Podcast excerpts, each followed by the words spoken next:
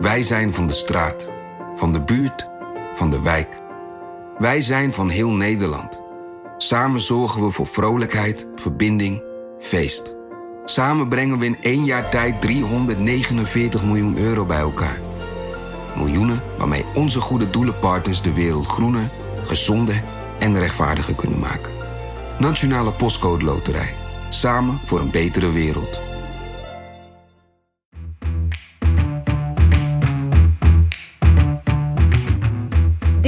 NRC Haagse Zaken. Mijn naam is Lemia Aharwai. Wie wordt de nieuwe minister van Buitenlandse Zaken, Mark? Laat hem gewoon Kamerlid zijn. En daardoor geven we op dit moment minder geld uit dan er binnenkomt. Het is een vertoning. Fijn dat je luistert. Dit is de Haagse wekelijkse podcast van NRC. Met elke week actualiteit, anekdotes en achtergrondverhalen van de Haagse redactie. En deze week met Filip de Witwijnen en Mark Kranenburg. En dit weten jullie niet, maar omdat dit de eerste keer is, heb ik een verrassing voor jullie in petto. Dus wachten. Champagne. Gaan we live opdrinken. Oh, Aan jou de eer. Mark? ja, moeten we die En? maar eens even direct openmaken? Jazeker. Ja. Ik wil die pop horen. En ik heb- vieren dan? appeltaart van... Oké, ik heb dus gevraagd aan de mensen die er werken of het Dudok is of Dudok. En ik kreeg vier verschillende antwoorden. Wij zeggen Udok. Dudok. Yes. Scheiden. Hartstikke goed. Nou jongens, cheers. Nou, daar gaat hij. Cheers. Ik mag niet met volle mond praten, Mark. Weet je wat die taart bewaren straks, ja? Jullie moeten je eerst even bewijzen. Zo is het. Cheers jongens. Cheers. Op, eh, een mooie uitzending. Oké, laten we beginnen. In deze eerste aflevering gaan we het hebben over eh, geld. We gaan het hebben over de economie, over Dijsselbloem, over Rutte die bij de VN zit in plaats van aan een formatietafel zit. Over buitenlandbeleid van een nieuw kabinet en over de formatie. Maar jongens, we kunnen er niet omheen. We moeten eerst eventjes beginnen over Prinsjesdag. Ik ga jullie vragen, ik draai het gewoon om, want er is al heel veel gezegd over Prinsjesdag, dus ik draai het gewoon om. Is er iets waarvan jullie denken, jongens, daar moeten we het nog wel eventjes over hebben? Behalve de hoedjes. Over de inhoud die geen inhoud was. Ja, dat las ik overal de hele tijd en dat het super saai en voorspelbaar zou zijn. Ja, maar ik denk dat het voor eh, de meeste mensen, voor zover ze het leuk vinden, en er kijken er altijd veel mensen naar, en er komen ook veel mensen naar eh, Den Haag. Eh, de pracht en praal is hetzelfde. Wat ik wel, hè, dat vond ik het opvallende verschil met, met, met voorgaande jaren. dat je toch ziet dat die beveiligingsmaatregelen wel aanzienlijk waren. Dat was een Brits bedrijf, liep hier rond in Den Haag. Die hebben allemaal barricades opgesteld. En dat zo. aanbesteed of zo, dat het Brits is? Nou, ik weet, vroeg me inderdaad af, is het nou aanbesteed? Want het was natuurlijk wel een, een, een haastige maatregel, dus er zullen wel weer uitzonderingen zijn. Maar ja, kijk, die Britten hebben al zo lang ervaring op dat terrein. En, eh, maar je ziet ja, ook hoe, hoe ook de economie hier weer van profiteert. Tenminste, sommige sectoren. Want eh, de mensen die in de beveiligingsbusiness zitten, ja, die... eh, Het die is een heel optimistische blik op deze beveiligingsmaatregelen. ja, Er ja. wordt ook veel geld extra in justitie en veiligheid gestoken. Ik zag nog een ander opvallend puntje van deze Prinsjesdag, die misschien ehm, eh, een formaliteit was. Deze Kamer heeft natuurlijk eh, 71 nieuwe Kamerleden. En die konden voor het eerst aan hun familie, aan hun partners, aan hun ouders, aan hun kinderen laten zien. Hier werk ik, dit is mijn domein de komende vier jaar. Eh, en ze nemen altijd één gast mee, dus eh, familieleden, vrienden liepen rond. Ik zag veel moeders. Veel moeders waren er, veel kinderen viel me ook op, veel tieners. En eh, ik denk dat die Kamerleden daarmee hebben kunnen laten zien, jongens, hier werk ik. De komende vier jaar ben ik niet veel thuis, maar nu weet je waar ik het voor doe. Een goedmakertje. Precies, van tevoren. Ja, nou ja, dat is. eh, en, dan- en dan de rest van de familie mag dan buiten staan ook. Hè. De, de, er zijn ook altijd wel plekken. Een aantal mensen mag naar binnen. Echt binnen. En, eh, maar er zijn ook, ook plekken op het, eh, op het binnenhof. eh. en, en aan de ramen van de binnenhof, dat, dat zijn ook altijd speciale plaatsen. Bij de Dat VVD-fractie en bij de Eerste Kamer. Ja. Dat is populair. Oh, die zijn speciaal voor familieleden en zo. Ja, dat is En me- familie- ja, Medewerkers. Ja, ja, dus, eh, dus dat zijn wel mooie plekken. En Waar kijken jullie eigenlijk mee? Op het scherm in onze eigen redactie. Nou, ben je zo dichtbij en toch zo We ver weg? één kaartje voor de ridderzaal. En dat is hartstikke leuk. Maar het nadeel is, je moet een uur van tevoren melden. En je wordt een uur binnengehouden na afloop. Dus je mist eigenlijk eh, drie uur van die dag. Terwijl je ook met je wil rondlopen en met mensen wil praten. En wordt er dan eh, gevochten om zo'n kaartje? Of, eh, Hm, valt mee. Eigenlijk hebben we een, soort traditie dat de jongst aangekomene eh, daar mag gaan zitten. Dat zou Mark zijn. Mark Lieversen. Ja. Ja, maar die ehm, kwam niet in aanmerking. Want we hadden het kaartje al vergeven aan zijn eh, aan degene die voor hem was gekomen. Maar Petra de Koning is geweest, want die volgt dit jaar de koning. Gaan we haar nog wel eh, over horen. Ja. Goed, en dan de inhoud van dat koffertje van eh Dijsselbloem. Ehm eerste troonleden en toen hoorden we dat het allemaal hartstikke goed ging. Super voortvarend gaat het in Nederland. En toen kwamen daarna alle berichten van, nou ja, het gaat wel goed, maar het gaat niet voor iedereen even goed. Niet iedereen gaat erop vooruit. Filip, kun je ons kun je even wat kun je je licht schijnen op wat er nou precies in die begroting staat qua koopkracht, qua wel of niet? Ja, misschien eerst even de andere punten. Er stonden eigenlijk weinig verrassingen in, want de meeste dingen waren traditioneel al uitgelekt. Er waren niet zo heel veel punten eh, van beleid, maar eh, de meeste dingen waren vanaf vrijdag al bekend. Op het moment dat de Tweede Kamer die stukken in vertrouwen kreeg. Zelfs met de, tweede, met de nieuwe Tweede Kamer eh, lukt dat niet om dat uh, binnen kamers te houden. Wacht even hoor, want er waren toch allemaal maatregelen genomen om dat te stoppen en zo? Jawel, maar ehm, Tweede Kamerleden, die, ehm, niet alle Tweede Kamerleden houden zich dan aan dat protocol. Dus die dingen lekken toch uit. Ehm, dus de meeste beleidsmaatregelen die er waren, de weinige moet ik zeggen, die waren eigenlijk al bekend. Waarvan ik eigenlijk de opvallendste vond dat toch die 270 miljoen voor die lerarensalarissen in het basisonderwijs erin stond, concreet. Wat het deal was, de redding van die mini-kabinetscrisis in de zomer, was dat er een substantieel bedrag zou komen, dat de VVD zich daarvoor zou inspannen. En toch was het een concreet bedrag. Daaruit maakte ik op dat het al lang geregeld was in augustus, maar dat Lodewijk Asscher van de PvdA dat niet mocht ehm, vertellen aan het volk, zodat hij er niet mee kon scoren. Maar dat het een punt zou zijn van de, ehm, van de formatietafel. Is dat gewoon niet gunnen? Dat, die indruk heb ik wel, ja. En waarom? Ik bedoel, je kan ook denken, die uh, arme jongen heeft het al zo zwaar gehad na de verkiezingen. Weet je wat, we geven hem dit nog mee. Ja, maar hij is wel erg verkleind. En ik denk dat de, uh, de VVD hem nog wel zou gunnen als, uh, als oude partner in de coalitie. Maar dat de nieuwe partijen in die, aan die formatietafel, ik denk met name het CDA, denkt, nou, laten niet het PvdA weglopen met het eerste cadeautje wat we gaan weggeven. Ja. Het zijn natuurlijk allemaal hele kleine plagerijtjes. En eigenlijk alleen maar hier voor de inner circle wat binnenhof. Hè. De, want ja, de mensen om wie het werkelijk gaat, het onderwijs, die vonden het veel te weinig. Ja, het, uh, er wordt nog steeds gestaakt over ja, twee weken. Ja, ja, ja. Maar goed, uh, en voor de rest, ja, uh, de, ook de macro-economische cijfers, de economische groei is, is gewoon goed. dus het kabinet eindigt met een, met een florerende economie. en de overheidsfinanciën zijn echt op orde. We begonnen met een gigantisch tekort in 2012. En wat Dijsselbloem nalaat is een, is een begrotingsoverschot. Dus dat is hartstikke goed nieuws. Maar inderdaad, wat je zei, um, wat merken wij daarvan met z'n allen in de portemonnee? Dat valt eigenlijk bitter tegen. Um, de cijfers, met name die sociale zaken naar buiten bracht, al, uh, ook op Prinsjesdag, daar stonden echt minnetjes voor bepaalde, bepaalde type huishoudens, met kinderen, uh, alleenstaanden met een baan. Allemaal van die, van die rubrieks, rubrieken huishoudens die in de min stonden voor dit jaar en volgend jaar een heel klein plusje. Dus die koopkracht valt echt tegen. Dat betekent dat, eigenlijk dat de, dat de lonen loonontwikkeling niet in gelijke pas lopen met de economische groei. Is dat... dat... is ook een verklaring, denk ik, voor het feit dat. Uh, hè, want dat, dat vond ik toch eigenlijk wel een beetje de, de tragiek van het geheel als je uh, dat, dat kabinet, hè, dat naar de uitgang is, als je dat zag zitten, hè, het leven wat, wat Philip zegt, een, gewoon macro-economisch een fantastisch ze begroting af. Ze hebben echt alles wat ze wilden doen vijf jaar geleden om, om die economie weer in het gareel te krijgen. Dat is ze gelukt. En, en zelfs meer dan dat. Maar de beloning van de kiezer uh, in maart, die was natuurlijk absoluut niet. De, de, coalitie ligt volledig in de kreukels. En ze hebben gigantisch verloren.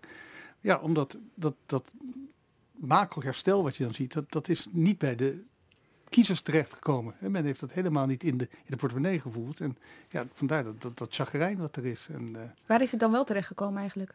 Bij de bedrijven. De, de economische opleving is vooral uh, ten gunste gegaan van uh, bedrijfswinsten. En dat is ook de kritiek van de minister van Financiën, Dijsselbloem. Die zegt, jongens, dat geld wordt opgepot bij bedrijven.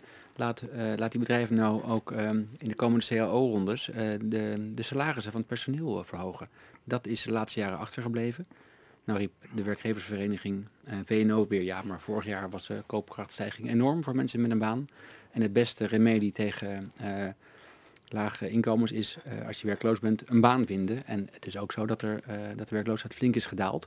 Dus mensen die van een uh, werkloosheidsuitkering in een baan terechtkomen, die maken wel een enorme sprong vooruit als ze normaal betaald worden. Maar Dijsselbloem is naast, een, naast minister van Financiën natuurlijk ook PvdA'er. Het moet toch pijnlijk voor hem zijn om dit te moeten concluderen, dat hij van een begrotingstekort naar een overschot is gegaan. En dat het geld uiteindelijk terechtgekomen is bij de bedrijven en niet bij de mensen. Nou ja, vandaar ook zijn vurige pleidooi oproep aan de bedrijven om die, om die salarissen te verhogen. Waarop de, ehm, de- het bedrijfsleven de bal meteen terugkraatst. Ja. En jullie dan de overheid. Toch Hij de is toch ook de grootste werkgever? Dat is waar, dat is waar. En de eh, ambtenaren hebben, in het alge- hebben de eerste paar jaar flink op een nullijn gestaan in, ehm, eh, in hun ehm, loonontwikkeling. De laatste twee jaar is dat wel verbeterd. En ik heb even nagezocht. Eigenlijk va- eh, valt het wel mee. De mensen met een CEO in het bedrijfsleven zijn er in de afgelopen vijf, nee, afgelopen zeven jaar 10% op vooruit gegaan ongeveer. En de mensen en de ambtenaren in dienst van de overheid eh 8%. Dus het verschil is er wel. Maar ook niet schrikbarend groot. Niet 0 en 10, maar eh 8 en 10. Dat vind ik eh, overkomelijk. Maar goed, er valt misschien nog wel wat te repareren. Ja. Ja, en toen, en toen was het twee dagen later volgens mij. En toen hoorden we ineens, kregen we pushberichten met dat het eigen risico toch niet zou stijgen. Oké, wat ik toen dacht was dit. Het is een soort van trucje. Dus ik, ik heb het even nagezocht. Hè, de formerende partijen nu. Eh, ik heb hier bijvoorbeeld het eh, CDA is dit. Die zegt het eigen risico moet fors verlaagd worden in een eigen verkiezingsprogramma. De VVD wil het niet afschaffen, maar wel kijken of ze het slimmer in kunnen zetten. De ChristenUnie fors verlagen. D66, soortgelijk verhaal als bij eh, de VVD, behalve dat ze er nog bij hadden gezet. Wij pleiten voor het verder onderzoeken van een inkomensafhankelijke eigen risico, wat Mhm. ik nog wel eh, grappig vond. Ehm, maar anyway, het komt erop neer dat zij in principe een belofte doen tot verlagen, of in ieder geval kijken hoe het efficiënter ingezet kan worden. En vervolgens blijft het gelijk. Dus eerst doen ze alsof het hoger wordt en dan blijft het gelijk. Ja. Is dit niet gewoon een trucje? Dat is een vertoning. Eh, het is inderdaad wat je zegt. Het is, het is een truc. Hè, de, ehm, ze waren donderdag, eh, kwamen ze opeens allemaal naar buiten. Die, die, die onderhandelaars, hè, die eh, al maandenlang niks zeggen. Maar nu hadden ze wat te verkopen. En, nou, de- verhoging van het eigen risico gaat niet door. 15 euro verhoging, het gaat niet door. Joepie. Terwijl inderdaad het nieuws is eigenlijk dat de verlaging die ze bijna allemaal beloofd hebben. Hè, nou, VVD was er wat eh, anders over en D66 hield het ook een beetje midden. Maar dat is het nieuws. Die verlaging gaat niet door. Want eh, het is gewoon volgend jaar 385 euro plus klassieke sigaar uit eigen doos. Ze moeten het betalen uit de zorgpremies Ja. die, iedereen, die iedereen betaalt. Dus het, Nu is iedereen de Sjaak in plaats van... ja, nou, nou, goed, het is voor de lage, lagere inkomens zullen hè, daar iets aan verdienen wel. Of verdienen iets meer. iets, ja, eh, maar ja, het, het, het is, het is precies een, eh, Ja. een Maar ook, ook, hier gooit de macro-economische ontwikkeling eh roet in het eten van een mooi plan uit verkiezingsprogramma's. De zorgkosten, die wist het huidige kabinet redelijk te beteugelen. De, de forse stijging is omgebogen in een mildere stijging. Maar de komende jaren, bleek ook afgelopen week uit stukken van het Centraal Planbureau en ook van het ministerie van Financiën, de komende jaren gaan die zorgkosten toch weer enorm oplopen. Harder dan de economie stijgt. Dus er moet iets worden verzonnen. Je kunt niet zomaar ehm, de, het eigen risico afschaffen of, eh, of de premies op peil houden. De, de, de zorg moet links of rechts betaald worden. Dus je kunt niet eh, gratis, eh, gratis dingen gaan beloven. Ja, maar dat, dat is nou eenmaal hoe de economie werkt. Ik wil nog eventjes naar Dijsselbloem, hè, afgelopen eh Prinsjesdag, die dus ook uit probeerde te leggen in kindertaal, want hij had een mini-minister Ja. bij zich, Hachi, Had je, hoe, hoe het nou eigenlijk precies werkt. Ik begin met onze economie. Zeg maar alles wat we in Nederland in een jaar verdienen met onze producten en diensten. Die economie groeit flink. We geven meer geld uit in winkels, we verkopen meer producten in het buitenland en we besteden ook weer meer aan grote nieuwe dingen. Zoals auto's en huizen, maar ook kantoorgebouwen, machines. Toen deze regering eind 2012 begon, was dat heel anders. Toen waren de mensen door de crisis extra zuinig en stelden vooral grote aankopen uit. Winkels en andere bedrijven kregen minder klanten en daardoor was er dus ook minder werk. Dus dat is het in een notendop. klopt. Ja, Had je het beter uit kunnen leggen? Ja, maar hij legt verderop in het verhaal wat hij inderdaad in, eh, in eh, Jip en Janneke taal voor zijn mini-minister eh, probeerde te formuleren. deed hij heel goed. Eh, het echte probleem is dat de, ehm, de financiële ruimte voor nu groot lijkt met het begrotingsoverschot van wel 10, 12 miljard de komende jaren. Ehm, maar eh, er speelt een nieuw element in de, in, de, in de financiële politiek. Kunnen we nog de rekeningen straks voor volgende generaties betalen? En dat wordt afgelezen in het eh, begrip houdbaarheidssaldo. En dat, is, dat was negatief een paar jaar geleden, dat is nu positief. Maar de ruimte daar is aanzienlijk beperkter. Wat betekent dat nou in de praktijk? Dat betekent dat alle dingen die we uit een overheidspot betalen, zoals ziekenhuizen, scholen, bibliotheken, de politie, dijken, betaalbaar blijven. In miljarden uitgedrukt, die 10 tot 13 miljard begrotingsoverschot, meer inkomsten dan uitgaven. ehm, is in het houdbaarheidssaldo nog maar 1 miljard. Dus er is niet zoveel uit te geven, eh, zomaar, zonder dat ehm, toekomstige generaties, de generatie van die mini-minister, straks eh, weer hogere belasting moeten betalen om de zorg, eh, het zorgpakket voor hun generaties te kunnen betalen. En dat betekent dat als Hachi, als hij straks echt minister van Financiën is, de belastingen niet hoeft te verhogen en ook niet hoeft te bezuinigen, waardoor zijn leeftijdsgenoten zouden betalen voor onze keuzes. Kortom, u, u, de volwassenen van dit moment, moet niet alleen aan zichzelf denken, we moeten rekening houden met de kinderen van nu, die nog een leven voor zich hebben. Want nogmaals, begroten doe je voor de toekomst. Dus het is niet zo dat een nieuw kabinet nu lekker rustig achterover kan leunen en kan zeggen, jongens, nu kunnen we lekker gaan investeren. We kunnen ons dus gaan richten op lange termijn problemen, bijvoorbeeld klimaat. Hè? Een probleem waar je echt voor moet investeren en waar je op de lange termijn over na moet denken. Daar is niet zo heel veel geld voor, is eigenlijk het verhaal. Er is niet uh, heel veel uh, hard geld voor uh, zomaar investeringen doen. Er zijn wel investeringen te bedenken die ook economische groei opleveren. Dus dan, kan het, dan loopt het wat minder hard mee in dat, in dat lastige houdbaarheidssaldo. Maar die 13 miljard die op de plank ligt, kun je niet zomaar uitgeven. En daar zijn de partijen die nu formeren ook niet grote fan van.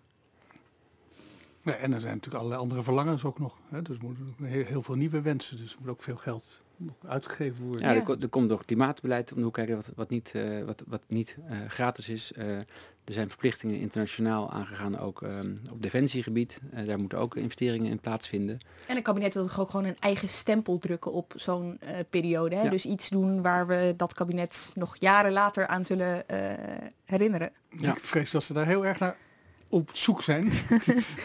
ja, wat, ja, wat, wat kan je in vredesnaam nu nog, nog aanbieden eigenlijk? Je moet ja, de, de, boel is, dat was het verschil met het vorige kabinet, dat dat, kon, dat moest gaan herstellen. Hè? Uit de crisis. Uit de crisis, ja. het, dan laat je wat zien. Ja, en dit is dan toch een beetje, ja. De, de, de dodelijkste stempel wat een kabinet kan krijgen is dat ze een beetje op de winkel passen. Ja, dat, uh, tussenkabinet. Ja, ja, ja. Dus, maar, ja dat, maar goed, dat herstellen is dus gedaan door minister Dijsselbloem. Tenminste, hij is degene die nu nou, best wel, ik lees best wel goede commentaren over. Nou, dus toch wat de man goed, niet wat hij goed heeft gedaan, uh, evident, is dat hij, uh, hij heeft goed op de schatkist gepast. Dat de, de, de, de, de strakke begrotingsdoelstellingen een verlies ombuigen um, en in een plus krijgen is, is gewoon knap Mark werk. zegt net dat dat het meest pijnlijk is wat je over iemand kan zeggen. Hij heeft op de winkel gepast. Nee, hij heeft met het strakke beleid was in het regeerakkoord afgesproken. Hij heeft dat bewaakt en dat heeft hij goed gedaan. Misschien heeft hij zelfs iets te snel het geld weer uitgegeven met het 5 miljard pakket van twee jaar geleden. Misschien was dat helemaal niet zo slim uh, achteraf gezien.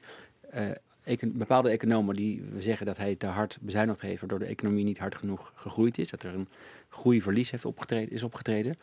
Maar um, de doelstellingen, de financiële doelstellingen van het kabinet zijn gewoon gehaald. En hij was de baas van de schatkist, dus hij heeft dat goed gedaan. Maar er, waren ook, er zijn ook critici opgestaan afgelopen week die terugkeken op vijf jaar Dijsselbloem. Met name Kamerleden. Je hebt ze met, gesproken, hè? Met name van de oppositie natuurlijk. Die vonden hem eigenlijk ook persoonlijk veranderd. Die vonden hem bepaald arrogant geworden. Als je nu met hem debatteert, dan is hij een arrogante minister die het altijd gelijk heeft. Die alle dossiers kent, alles snapt. En uh, vragen uh, of ideeën of moties van de oppositie wegwuift als onverstandig, Hebben jullie hem ook zo zien veranderen? Ik vind dat hij op een leuke manier debatteert, maar dat lijkt me voor de oppositie niet altijd even aardig. Want hij, nee, hij, lacht, je, dat, hij lacht veel. Ik vind dat altijd, dat is ook wel dat is een beetje makkelijk kritiek. Dat, dat, dat, dat, is natuurlijk, dat komt met de baan, hè, zeggen ze dan. Dat, uh, hij doet dit al jaren. Uh, dus er flink wat, wat nieuwe Kamerleden bij en dan krijg je weer diezelfde vraag. Ja, je moet het eigenlijk niet doen, hè, het hoort niet, maar dat je dan gaat verzuchten, moet dan dan weer op antwoorden. Dat heb ik vorig jaar ook, twee jaar geleden. Dus een, uh, het, het, overkomt denk ik alle, alle ministers wel een beetje. Dat, uh, ja, Die een beetje klaar waren aan het eind van hun uh, termijn. Ja, ja en, en dan, ja, dat, dat heet inderdaad arrogant. Dat, uh, dan, maar dat houdt ook een beetje spanning tussen de Kamerleden en de, en de ministers erin. Maar is hij ook arroganter geworden in zijn omgang met journalisten bijvoorbeeld? Nee, dat vind ik niet. Nee, nee dat geloof ik ook niet. Dus het, Hè? Het, is, het is van, van de ministers, ja, ik, ik volg hem niet zoveel, moet ik eerlijk zeggen. Het, het, het zit niet in mijn, mijn portefeuille. Hè? Maar uh, ik heb hem wel eens in, in Brussel zo meegemaakt. Uh, is, is wel toegankelijk, ja. toch? Zeer toegankelijk. Hij is toegankelijk. Hij, geeft, hij gaf ook uh, traditioneel bij Prinsjesdag even een, ach, een achtergrondgesprek met een aantal journalisten.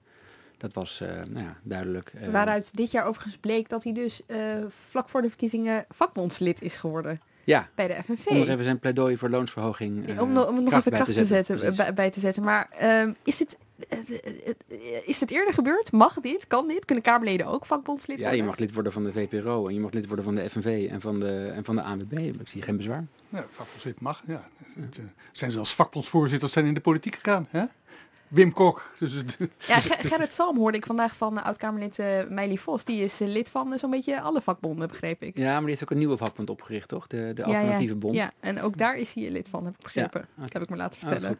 Oh, maar maar ik, ik, ja, ik, vond het, ik, ik vind het best een grappig idee dat een minister van Financiën daarmee dus ook in het hele polderoverleg, hè, ik haal het woord maar weer even tevoorschijn, dus eigenlijk al een soort van kant heeft gekozen. Ik denk dat er meer PvdA lid zijn van de vakbond, dat hij rijkelijk laat lid is geworden. Hij, zit al 12 jaar, hij had voor 12 jaar in de Kamer gezeten voor de PvdA. Ja. Maar, maar even, uh, zal die vakbond hier nou heel blij mee zijn? Ja, bedoel, is het echt en hij heeft ook opgeroepen om lid te worden. Dit was een soort reclameboodschap. Ik denk dat ze daar blij mee waren. Gratis uh, campagne. Maar ik bedoel, in de gesprekken met de politiek, ik bedoel, is het echt een, een, steuntje in de rug? Ze kunnen ernaar verwijzen.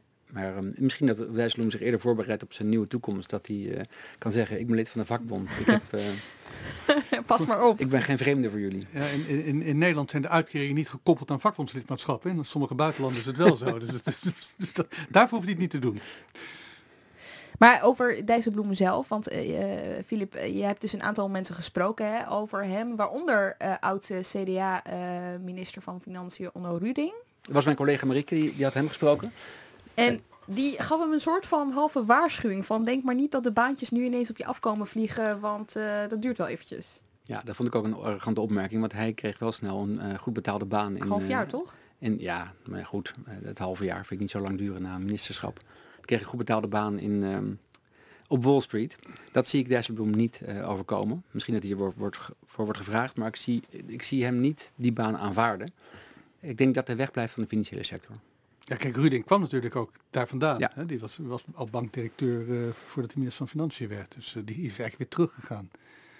Uh, ja, Dijsselbloem, wat, ja, waar gaat hij naartoe? Maar misschien weet jij welke vacatures er zijn, Mark, in die internationale wereld. Want ik zie hem internationaal wel iets gaan doen vanwege zijn, of na zijn Europese ervaring. Heeft hij ook niet slecht gedaan. Hij ligt goed bij de collega's van de Eurolanden.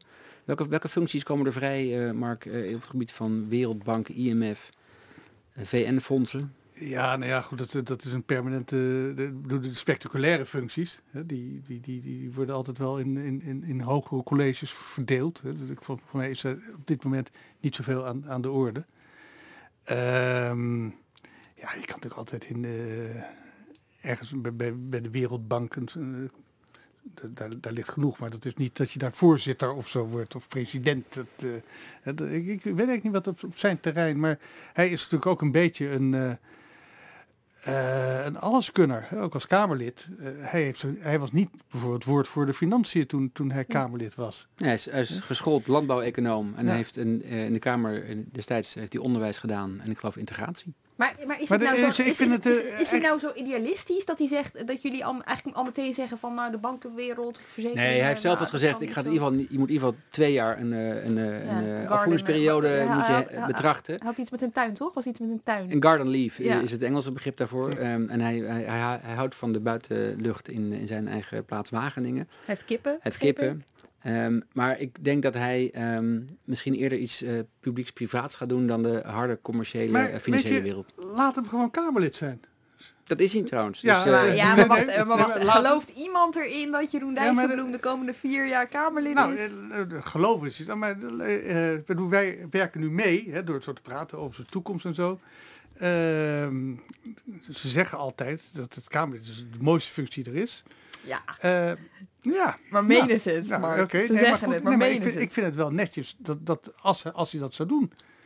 Hè, dat, uh, dat is gewoon... Uit een eerder kabinet, Mark, uh, met de PvdA bleef alleen Klaas de Vries hangen als, uh, als voormalig bewindspersoon in de Kamer. Hoe is het met hem afgelopen? Uh, nou, die is een gerespecteerd voorzitter van de SER nog geworden. Hij is later naar de Eerste Kamer gegaan. Hij is hoogleraar geweest. Het, uh, maar ja, Niet echt een spetterende carrière. Nee, toch? maar goed, als je, als je en, ik bedoel, die, die tijden komen natuurlijk nooit meer terug van de jaren 50 en 60 en, en ook wel een beetje 70. Maar toen was het natuurlijk toch dat er wat meer een heen en weer verkeer was tussen kabinetten en Tweede Kamer. En in, in het buitenland zie je natuurlijk ook veel. Het, het, het, is, het is een beetje het versterkt allemaal het idee van ja, de Kamerleden, dat doe je erbij. Maar uh, en, en, doe dat, daar werkt de, de, de huidige onderhandelende partijen ook sterk aan mee. Hè, door een regeerakkoord te maken waardoor de Tweede Kamer eigenlijk vier jaar met vakantie kan straks. Want alles is dichtgetimmerd. Maar hè, een serieus Kamerlidmaatschap, ja, uh, die, die, kan dat betekenen. En ik denk dat hij zeker ook voor zijn partij wel wat kan betekenen. Ja, maar ik denk dat dat bij hem in ieder geval duurt tot met de gemeenteraadsverkiezingen. En dat hij daarna zich iets vrijer voelt om, uh, om zich heen te gaan kijken. Nou, nou, op het wereldtoneel. Ik maak maar meteen even een bruggetje. Want wie uh, er uh, letterlijk op dat toneel stond uh, de afgelopen dagen was natuurlijk premier Rutte. Die vloog zo'n beetje meteen na de presentatie van de miljoenennota naar New York. Naar de Algemene Vergadering van de Verenigde Naties. Is dat, um, is dat zo belangrijk dat hij alles hier achterlaat?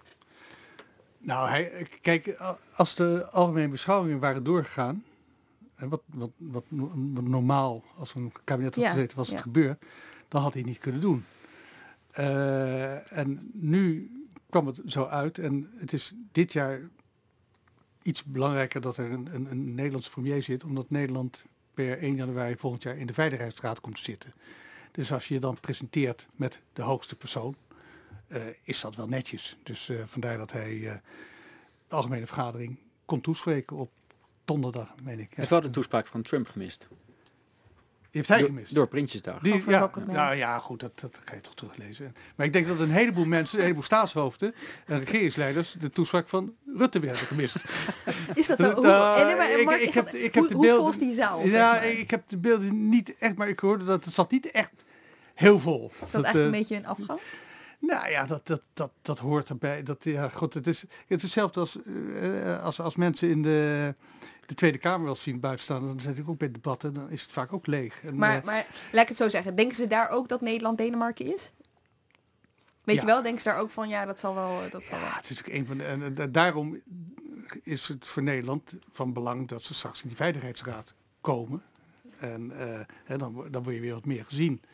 En ja, het, het is... Het is uh, heel, heel zichtbaar, inderdaad, hoe, hoe de verhoudingen liggen in de wereld. Ja, dat inderdaad bij, bij, bij Trump moeten er bij wijze van spreken stoeltjes bijgezet worden.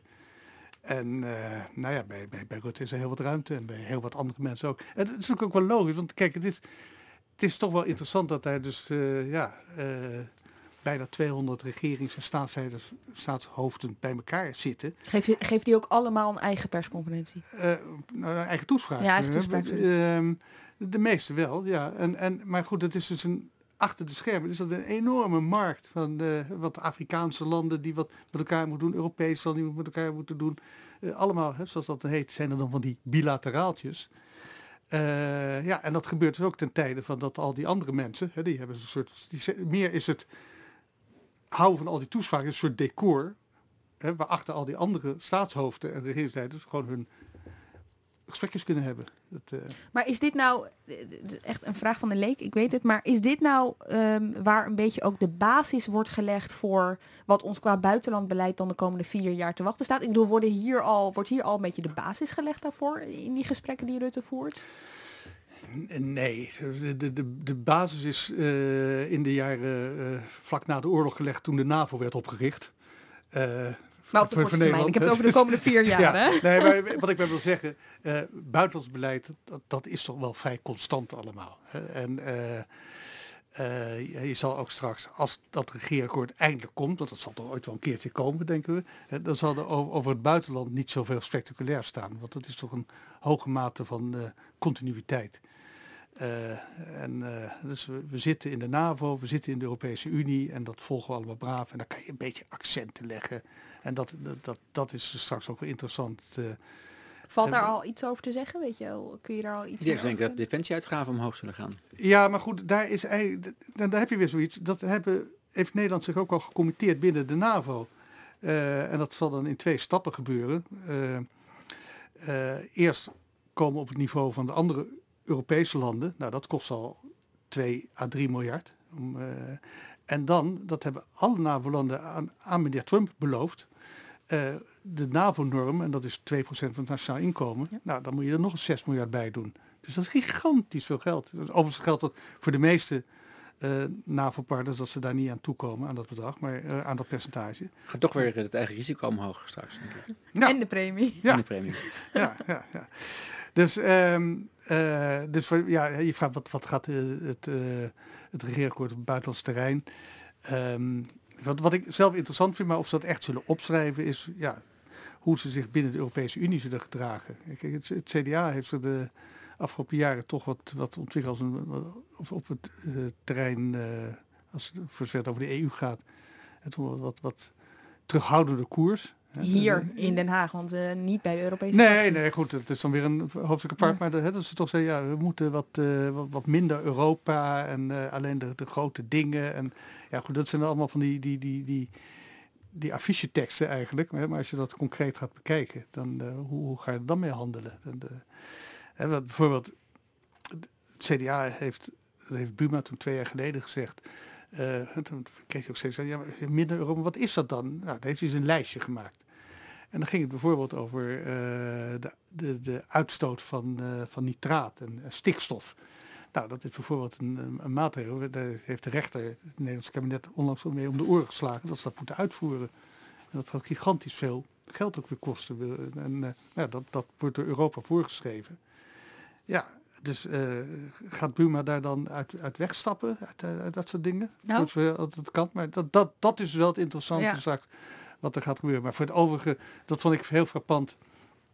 Ja, als je het hebt over continuïteit van het beleid, dat dit demissionaire kabinet heeft nog twee weken geleden besloten om alle militaire missies waar Nederland aan meedoet, nou, je kan toch zeggen, dat is toch wel... Om die te verlengen. Heeft, tenminste, potentieel is het gevoelig. Hè, dat, dat wij onze mensen naar buiten sturen. En nou, het is, goddank, de laatste jaren wat rustig geweest. Maar in Afghanistan zijn natuurlijk heel wat Nederlandse militairen omgekomen. En dus het is toch een politiek gevoelig, een groot onderwerp. En nou, daar heeft dit demissionaire kabinet heeft er gewoon van gezegd, nou, daar gaan we mee door. En dat mocht ook van de onderhandelende partijen. Dus uh, die ondersteunen dat ook. Wie wordt de nieuwe minister van Buitenlandse Zaken, Mark? Ja, dat is een leuke, hè? ja, dat, dat, Jij weet dat, dat soort dingen. Nee, ik, ja, ik, weet, ik weet wel waar, ze, waar Buitenlandse Zaken rekening mee houdt. Oh ja? Hè, maar die, die zitten, ja, maar goed, die zitten net zo mee te roeren als wij. Wat is de shortlist? Uh, nou, wat, wat, je veel hoort, is dat ze daar rekening houden met, uh, met het VVD-Kamerlid Hand en Broeken. Uh, Zou dat bijzonder zijn, even een VVD'er op buitenlandse zaken? Nee, dat niet. Maar kijk, die hele kabinetsformatie, tenminste als het gaat om het invullen van al die posten met mensen, is een soort Rubik's Cube. Hè? Dat, uh, als je het een daar invult, dan kan je het ander weer niet doen. Mm. Nou, bijvoorbeeld het probleem bij buitenlandse zaken is dat de minister-president, dat is duidelijk, dat is een VVD'er, dat is Rutte. En dan ligt het niet direct voor de hand om daar dan ook een VVD-minister van Buitenlandse Zaken naast te Juist omdat ze al zoveel, hè, want de minister-president zoveel in het buitenland is, met al die Europese raden, om dan ook een minister, een, een minister van Buitenlandse Zaken. Tegelijkertijd kan je zeggen, ja, het is in het verleden ook wel gebeurd. Hè, dat eerste kabinet Rutte, daar had je Uri Rosenthal was een VVD'er als, als minister van Buitenlandse Zaken. Dus het kan wel. Maar het ligt ging dat niet... goed, zeg maar? Uh... Om een andere oh, reden qua, niet. qua combinatie ja. ging het heel goed.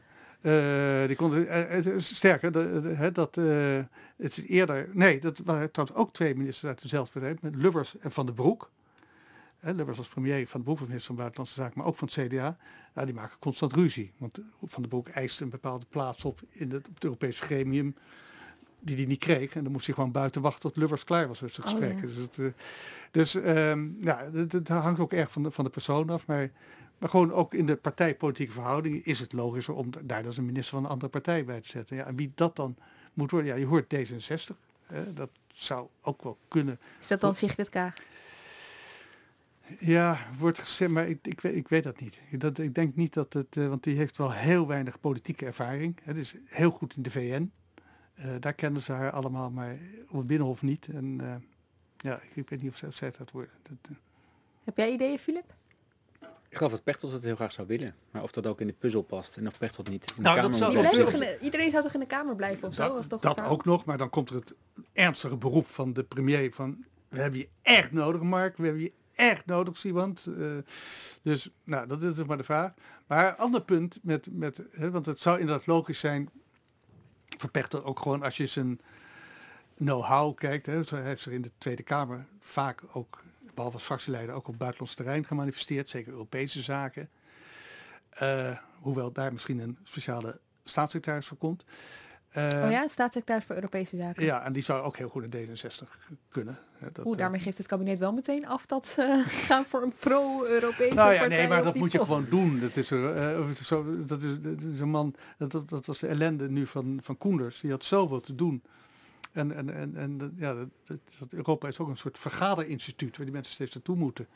Dus dat, alleen gewoon uit, uit, uit personele overwegingen zou het toch goed zijn om dat, dat, te splitsen. Dat zie je in een heleboel Europese landen.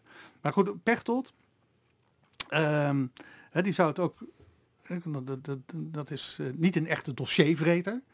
Dus die zou goed op, op, ook op buitenlandse zaken kunnen. Handig met een beetje netwerken. Handig ja, met een beetje ja maar het probleem daarbij is. Uh, kijk, Pechtold heeft hoe dan ook, krijgt hij nog een andere rol. Hij zit straks met een vier partijenkabinet. Hij wordt toch, de aanvoerder van het D66 smal deel, hè, als hij in het kabinet gaat. Maar dat heb ik wel de afgelopen jaren zien groeien. De, de, de rol die de minister van Buitenlandse Zaken in het buitenland speelt. Dat was in dat tijd bij Hans van Mierlo, die heeft het ook gedaan. Die was ook minister van Buitenlandse Zaken. En D66 aanvoerder in het kabinet. Nou, die kan nog net op tijd, zo nu dan terug zijn in Nederland om, om, om wat te doen. En op vrijdag in de ministerraad te zijn. Maar die Koenders, nou, die zit zo vaak in het buitenland. Dus dan heb je nauwelijks tijd om, om, om hier in binnenland brandjes te blussen. Maar dus hangt dat ook heel erg af van de minister zelf? Ik bedoel, richt je dat zelf zo in? Of kun je er ook voor kiezen dat je gewoon... Het, gewoon het internationale overleg is enorm toegenomen. En uh, ja, natuurlijk, je kan er zelf voor kiezen. Dat, uh, kijk, wij, wij zitten in, nu in een Syrië Support Group. Uh, en daar moet ook vaak de minister naartoe. Ja, dat, dat kan je laten schieten. Maar... Is dat? Is dat gewoon een groep... Uh, een groep, nee, la, groep, groep, groep, klein, kleine groep landen die dan uh, speciaal bezighouden met het, uh, de toekomst van Syrië. De, de, er zitten de Amerikanen in, daar zitten de, de, de, Duitsers en de, de Britten. En, maar, maar goed, dus je kan steeds keuzes maken als minister. Wil ik aan al die groepjes meedoen. Maar ja, het wordt wel moeilijk voor Pechtold, lijkt mij dan. Om ook nog dan als D66-leider te opereren. En kan het ook een extern iemand zijn? Iemand waar we misschien niet zo 1, 2, 3 aan zouden denken. Extern van buiten de ja, ja, vier van partijen? Van nee, nee, nee. Dus wel van die vier partijen, maar dus niet iemand die al in de Kamer zit of die fractievoorzitter is. Of... Ja, kan, was kan. Roosentaal was ook van buiten. Ja, ja, ja, nou ja, goed. Het is, uh, kijk, dat is het interessante. Als het CDA, de minister van Buitenlandse Zaken, gaat leveren, die ziet niet zo direct uit de Tweede Kamer komen, als ze dat willen. Nou, dan loopt altijd nog wel ergens een ex-ambassadeur, of een ex of een gewone ambassadeur die ook een partijkaart van het CDA op zak heeft. Die is dan uh, hier naartoe gaan halen. Dat, dat zou wel zo'n fractie kunnen zijn. En de ChristenUnie denk ik. Die, uh, die, die, die, die komen, zijn nog net iets te nederig die, voor. Die komen niet voor buitenlandse zaken. Oké, okay. okay, nou we gaan het merken. Dank jullie wel. Ik uh, vind dat jullie het goed genoeg hebben gedaan voor taart. Yes. Dus uh, we gaan taart eten. Heerlijk. Heel goed. Dank jullie wel, Filip de Witwijnen en Mark Kranenburg. En volgende week staat er weer een nieuwe aflevering voor je klaar. Op de plek waar je hem luistert, op nrc.nl slash Haagse Zaken of in je Google Play Store of in iTunes. Ik zou zeggen, tot dan. Je hebt aardig wat vermogen opgebouwd. En daar zit je dan, met je ton op de bank. Wel een beetje saai, hè? Wil jij, als belegger, onderdeel zijn van het verleden of van de toekomst? Bridgefund is een slimme fintech die een brug slaat tussen de financiële behoeften van ondernemers en van beleggers. Dus wie belegt bij Bridgefund krijgt niet alleen een mooie vaste rente, maar brengt ook ondernemers in beweging. Echt waar, met die ton kan je zoveel betere dingen doen. Bridgefund. Make money smile.